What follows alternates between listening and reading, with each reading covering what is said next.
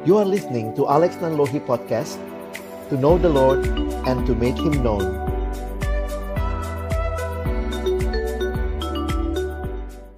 Mari kita tunduk kepala kita berdoa. Malam ini kami datang dalam ucapan syukur Karena kami melihat pekerjaan Tuhan yang nyata di dalam kehidupan kami. Kesempatan kami berdoa juga mengingatkan kami bahwa kami sangat membutuhkan Engkau di dalam keseluruhan hidup kami. Ya Tuhan, tiba waktunya bagi kami untuk membuka firman-Mu. Karena itu kami mohon, waktu kami membuka firman-Mu, bukalah juga hati kami. Jadikanlah hati kami seperti tanah yang baik, supaya ketika benih firman Tuhan ditaburkan, itu boleh sungguh-sungguh berakar, bertumbuh, dan juga berbuah nyata dalam hidup kami. Kami percaya firman-Mu firman yang hidup dan yang menghidupkan. Firman-Mu firman yang kudus dan yang menguduskan kehidupan kami. Firman-Mu firman yang tidak berubah, tapi firman yang kami percaya sanggup mengubah kehidupan kami. Itulah kami, itulah yang kami rindukan menjadi bagian setiap kami yang hadir pada malam hari ini. Dalam satu nama yang kudus, nama yang berkuasa, nama Tuhan kami Yesus Kristus, Sang Firman yang hidup. Kami menyerahkan pemberitaan firman-Mu. Amin. Silakan duduk. Shalom. Shalom. Malam Bapak Ibu Saudara yang dikasihi Tuhan. Malam ini sama-sama kita akan merenungkan nyanyian Maria di dalam Injil Lukas pasal yang pertama. Kita akan melihat di dalam ayat yang ke-46 sampai dengan ayat yang ke-56. Injil Lukas pasalnya yang pertama. Kita akan melihat dalam ayat yang pertama, ayat yang ke-46 sampai ayat yang ke-56. Mari kalau sudah menemukan bagian ini, kita akan membaca bagian ini bergantian. Saya mulai ayat 46, Bapak Ibu Saudara sekalian ayat 47, kita bergantian sampai ayatnya yang ke-56. Nyanyian pujian Maria, lalu kata Maria, jiwaku memuliakan Tuhan. Sebab ia telah memperhatikan kerendahan hambanya, sesungguhnya mulai dari sekarang segala keturunan akan menyebut aku berbahagia.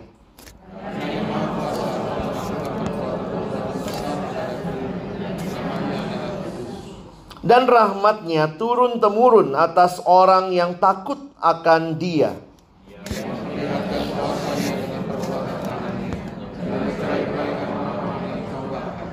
Ia menurunkan orang-orang yang berkuasa dari tahtanya dan meninggikan orang-orang yang rendah. Ia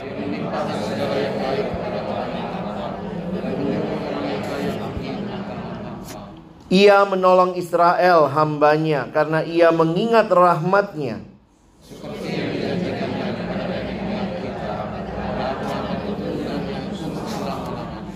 Dan Maria tinggal kira-kira tiga bulan lamanya bersama dengan Elizabeth lalu pulang kembali ke rumahnya.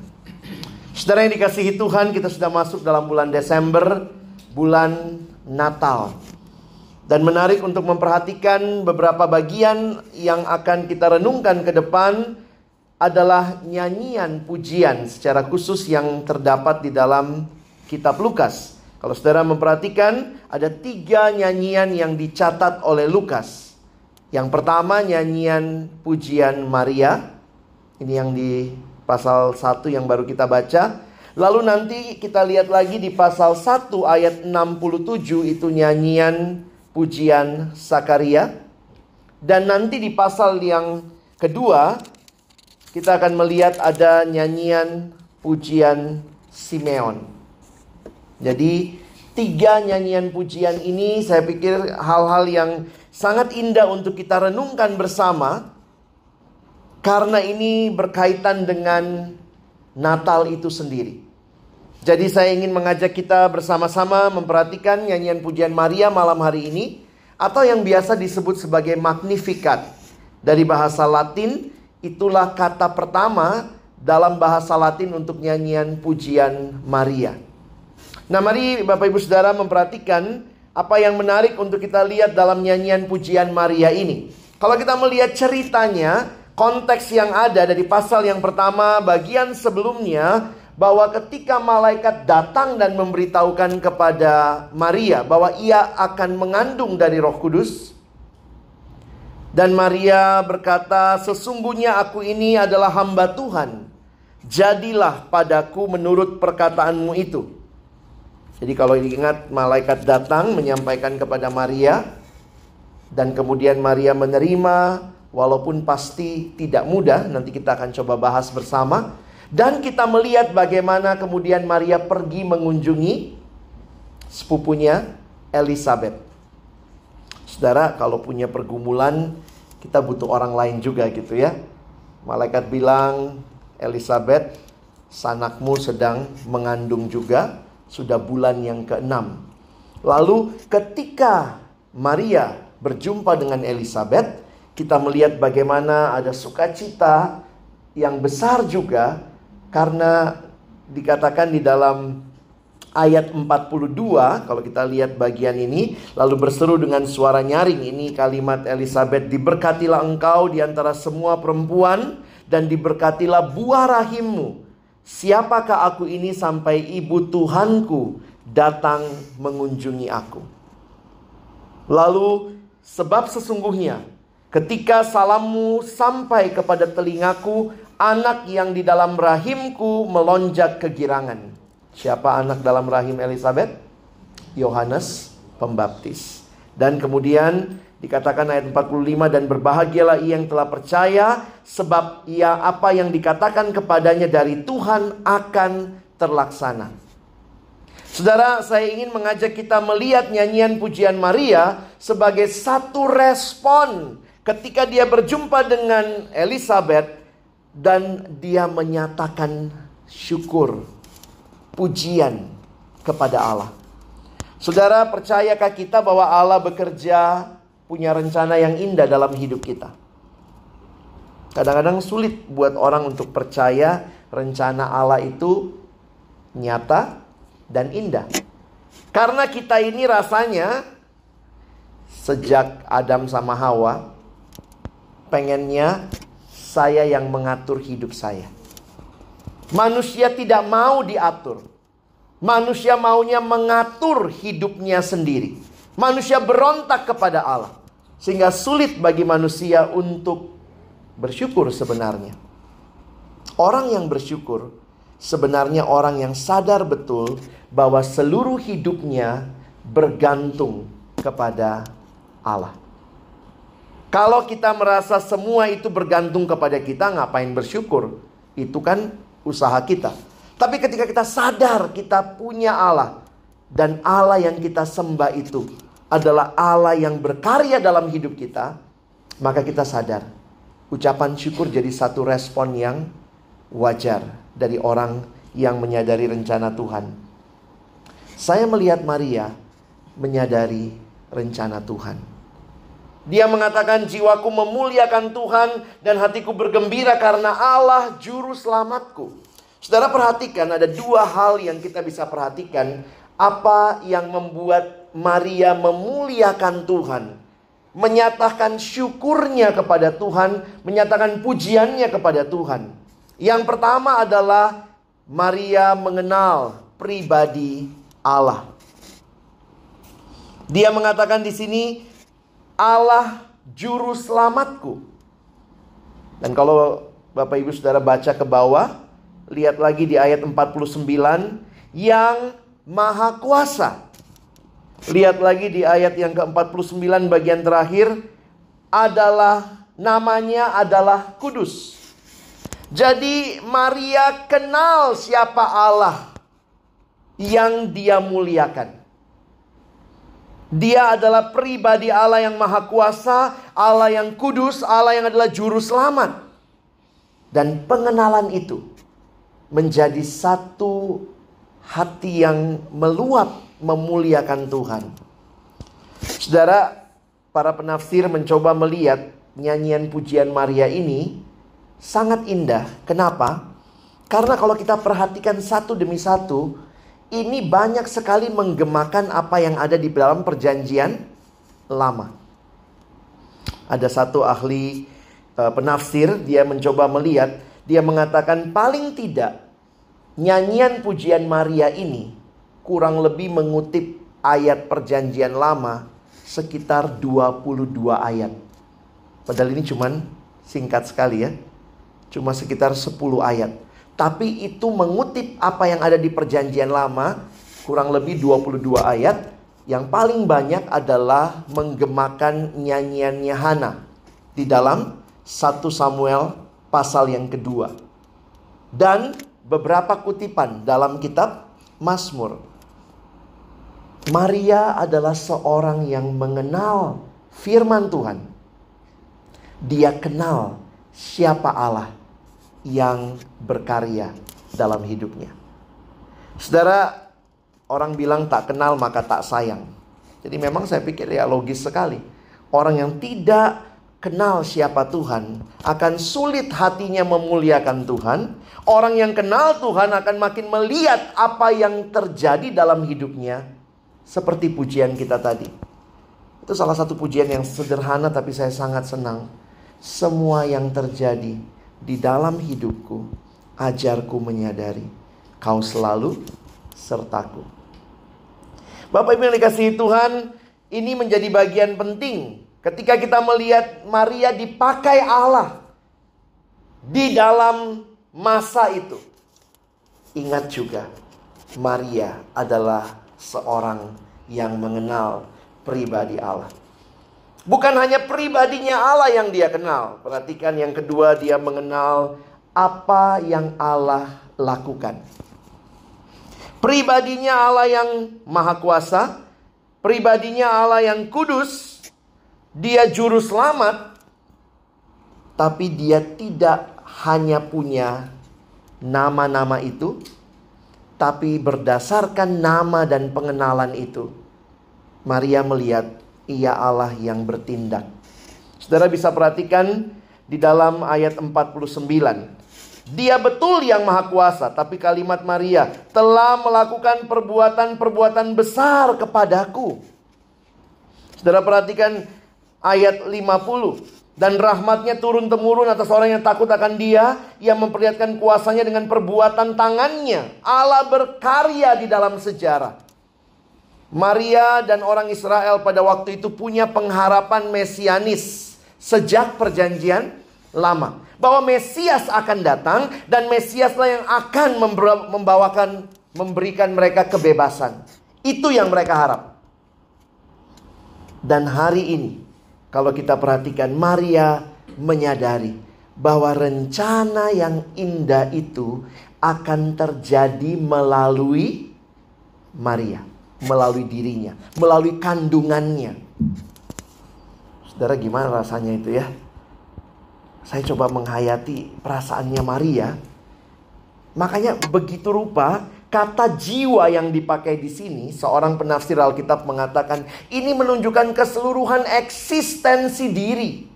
Jiwaku memuliakan Allah. Maksudnya keseluruhan hidup Maria.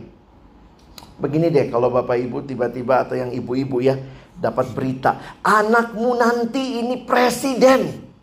Misalnya gitu ya. Ini bukan cuma begitu saudara ya. Anak yang dikandung Maria. Dialah yang akan menggenapkan keselamatan atas seluruh bangsa. Jadi, makanya Maria berkata, Tuhan memperlihatkan kuasanya. Dia bukan hanya Allah yang maha kuasa. Perhatikan ayat yang ke-51. Ia memperlihatkan kuasanya dengan perbuatan tangannya dan mencerai beraikan orang-orang yang congkak hatinya. Lihat lagi ayat 52. Ia menurunkan orang-orang yang berkuasa dari tahtanya dan meninggikan orang-orang yang rendah. Lihat ayat 53. Ia melimpahkan segala yang baik kepada orang yang lapar dan menyuruh orang yang kaya pergi dengan tangan hampa. Dan ini semua Allah lakukan Perhatikan ayat 54. Ia menolong Israel hambanya karena ia mengingat rahmatnya seperti yang dijanjikannya. Allah adalah Allah yang menepati janjinya. Dia bukan hanya Allah yang berkuasa, dia Allah yang berbuat dan itu semua adalah berdasarkan janji yang dia berikan. Dia bukan Allah yang ingkar janji. Saudara kadang kita mikir Allah itu, ah inilah keterbatasan pikiran kita ya. Kita pikir Allah itu ya kadang-kadang baik, kadang-kadang jahat. Ada orang yang suka mikir begitu. Apalagi kalau dulu mungkin agama kita begitu ya. Agama kita yang dulu kalau Tuhannya dibaik-baikin dia berkatin. Kagak dibayain dikutuk. Kita kan suka begitu ya cara pikirnya. Sehingga dulu rajin ibadah supaya dibaik-baikin Tuhan. Jadi sebenarnya itu bukan ibadah. Nyogok. Kalau ada KPK sorgawi ketangkep kita. Tapi waktu mengerti, Allah itu Allah yang selalu baik, selalu adil, selalu kudus, selalu benar. Dia bukan kadang-kadang baik, kadang-kadang nggak baik. Kadang-kadang itu yang kita bilang, Tuhan kenapa saya ngalamin ini? Tuhan lagi nggak baik ya sama saya. Cara pikir kita, pengalaman hidup kita menentukan Allah itu baik atau tidak. Apa nggak kebalik? Saya beberapa kali diundang banyak pelayanan ke sekolah. Salah satunya biasanya mimpin uh, apa? Kebaktian persiapan ujian nasional, ya. Jadi beberapa kali diundang lalu saya bilang juga ini kalau mau ujian nasional aja baru kebaktian gitu ya. Sebenarnya poinnya setiap hari kan sebenarnya ujian gitu ya. Harusnya kebaktian tiap hari gitu. Saya tanya sama anak-anak di sana. Kalau kalian lulus ujian nasional, Tuhan baik? Semua jawab, baik. Kalau kalian tidak lulus ujian nasional, Tuhan baik? Uh, uh, uh. Apakah Tuhan jadi baik atau jadi nggak baik karena pengalaman hidup kita baik dan nggak baik? Kalau kita belum paham hal ini, mungkin kita belum kenal Tuhan. Karena pengenalan kita akan Dia, harusnya membawa kita menyadari Tuhan, Engkau senantiasa baik. Israel menantikan, Yesaya menubuatkan, anak darah akan mengandung dan melahirkan. Digenapi 700 tahun kemudian, saudara. Panjang ya. Tapi dia Allah yang menggenapi janjinya. Dan Maria melihat, oh jiwaku memuliakan Tuhan karena Tuhan akan menggenapkan janjinya melalui aku, rahimku. Wow, luar biasa. Sehingga ini semua kutipan ayat-ayat perjanjian lama mewarnai syukur dan pujiannya Maria memuliakan Allah. Karena Maria kenal pribadi Allah dan dia kenal Allah juga yang bertindak. Mari lihat sebentar apa kira-kira respon Maria. Saya baca beberapa buku dan yang menarik uh, seorang bernama John Stott dalam satu tulisannya tentang hal ini dia mengatakan begini. Saya melihat dua hal dalam respon Maria.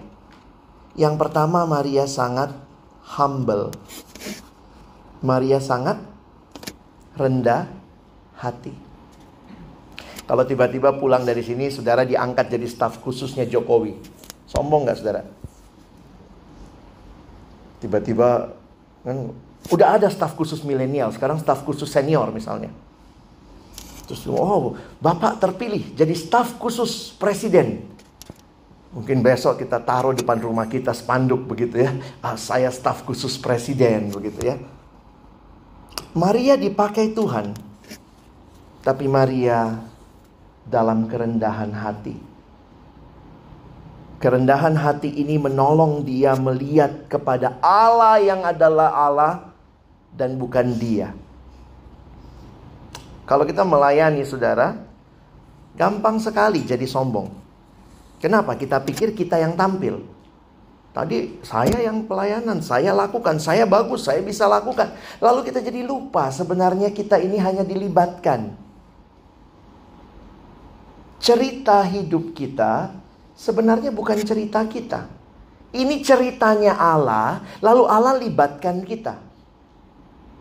Harusnya kita bisa melihat bahwa Tuhan, terima kasih engkau berkenan memakai saya yang tidak layak ini.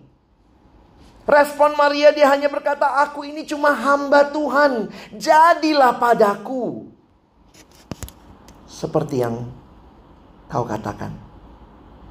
Ini respon. Makanya hati hamba tuh nggak gampang gitu ya.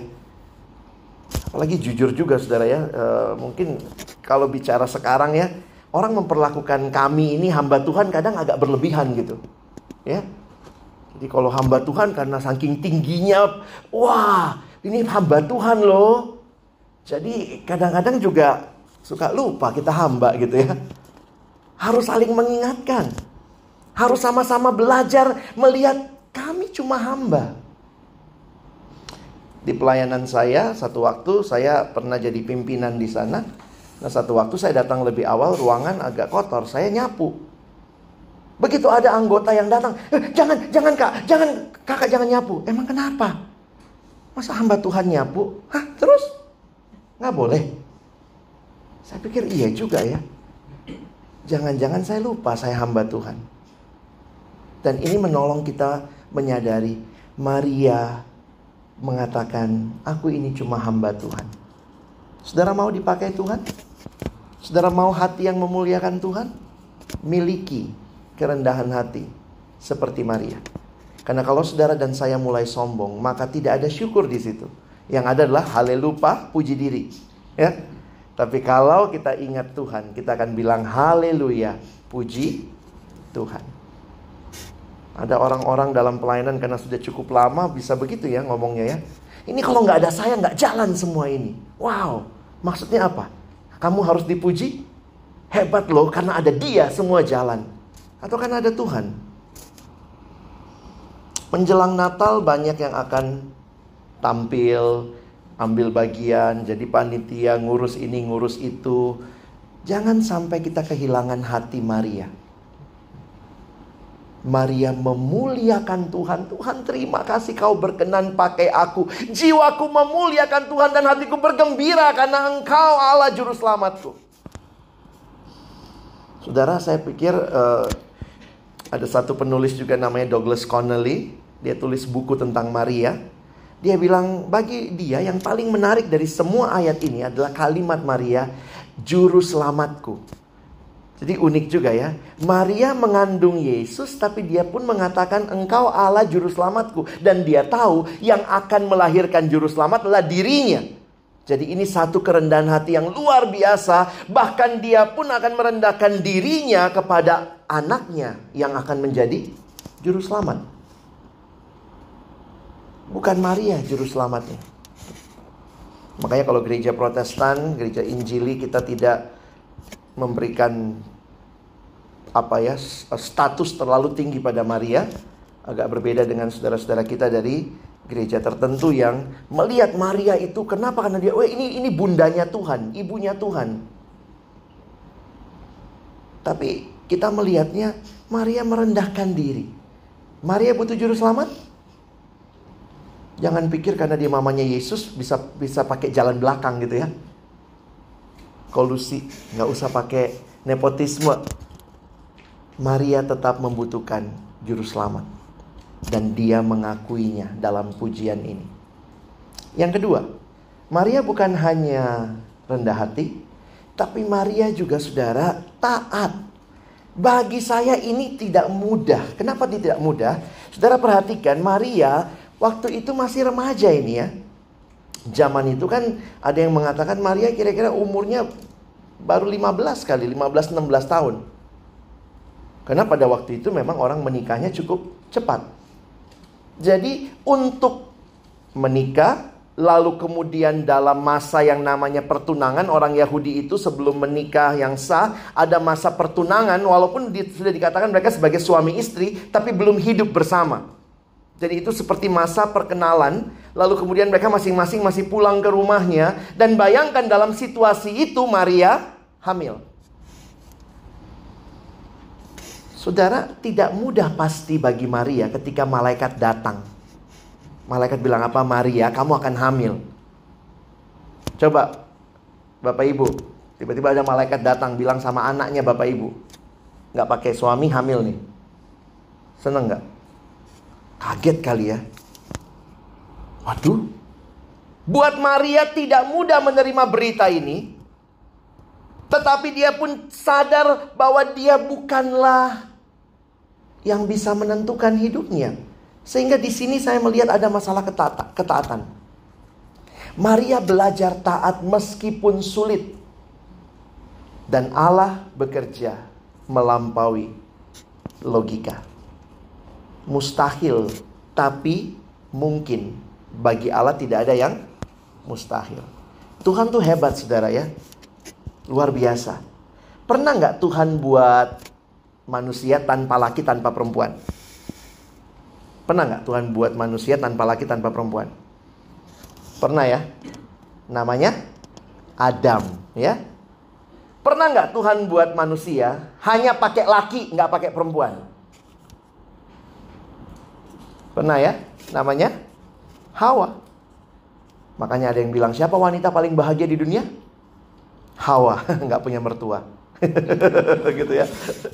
Katanya gitu, Hawa yang paling bahagia di dunia. Adam juga sih nggak punya mertua ya.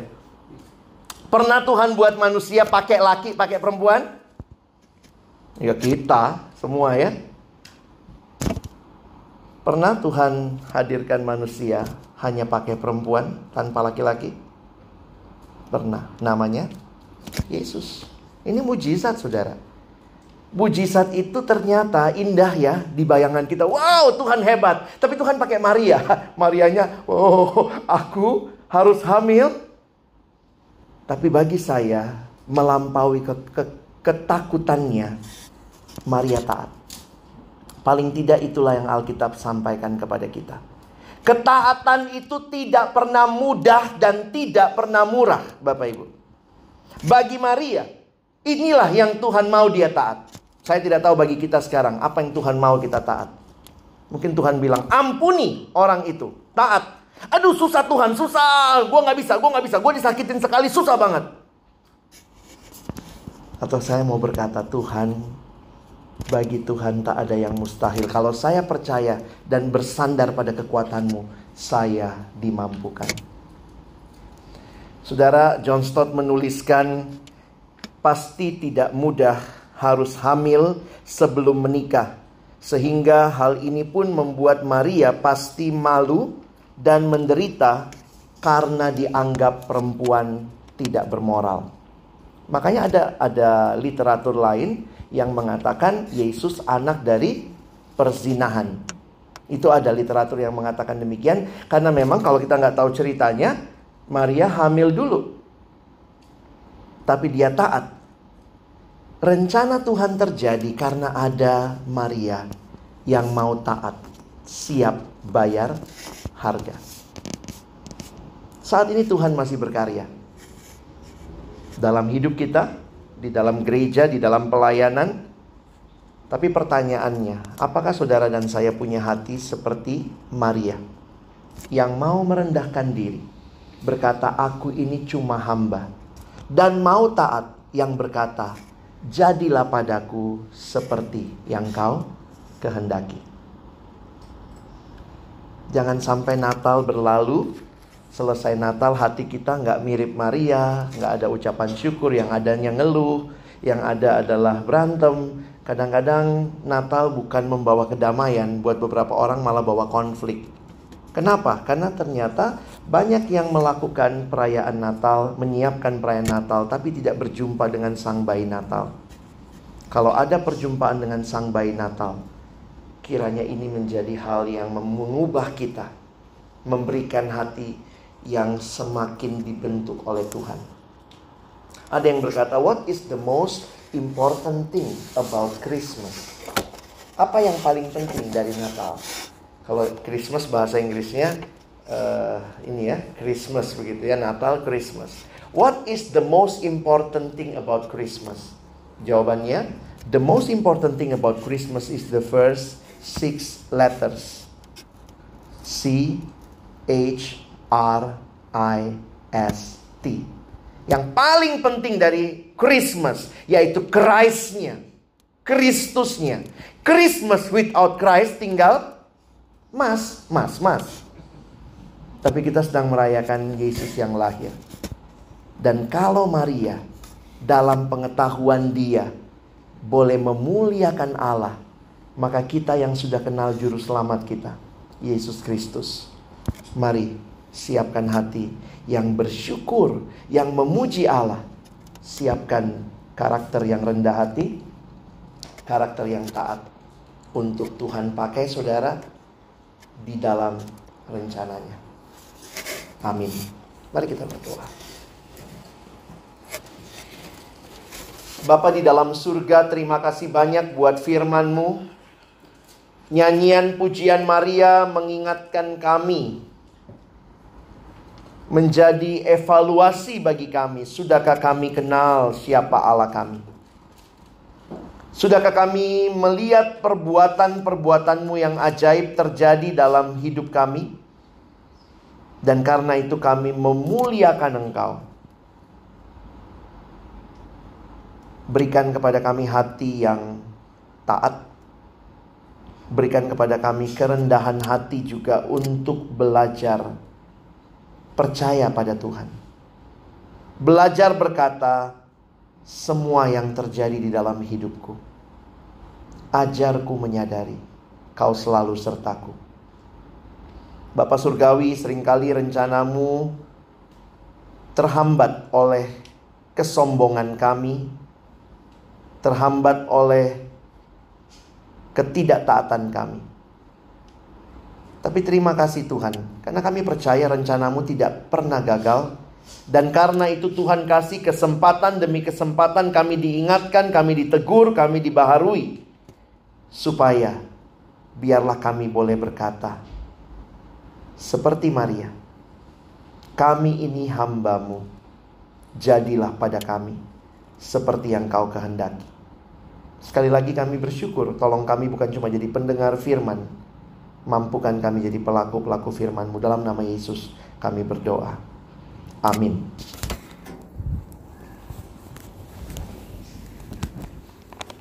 Malam Bapak Ibu yang terkasih dalam Tuhan Ya kita sungguh bersyukur kita boleh diberkati oleh kebenaran firman Tuhan Sekali lagi terima kasih untuk Evangelist Alex Namadi yang sudah menyampaikan Kiranya Tuhan memberkati Evangelist uh, Alex di mana pun berada. Ya Bapak Ibu, biarlah kita boleh memasuki bulan Desember ini dengan hati yang boleh sungguh-sungguh datang kepada Tuhan yang terus diperbarui hari demi hari. Sehingga ketika kita menyambut Natal, biarlah sungguh-sungguh Kristus ada di dalam hati setiap kita.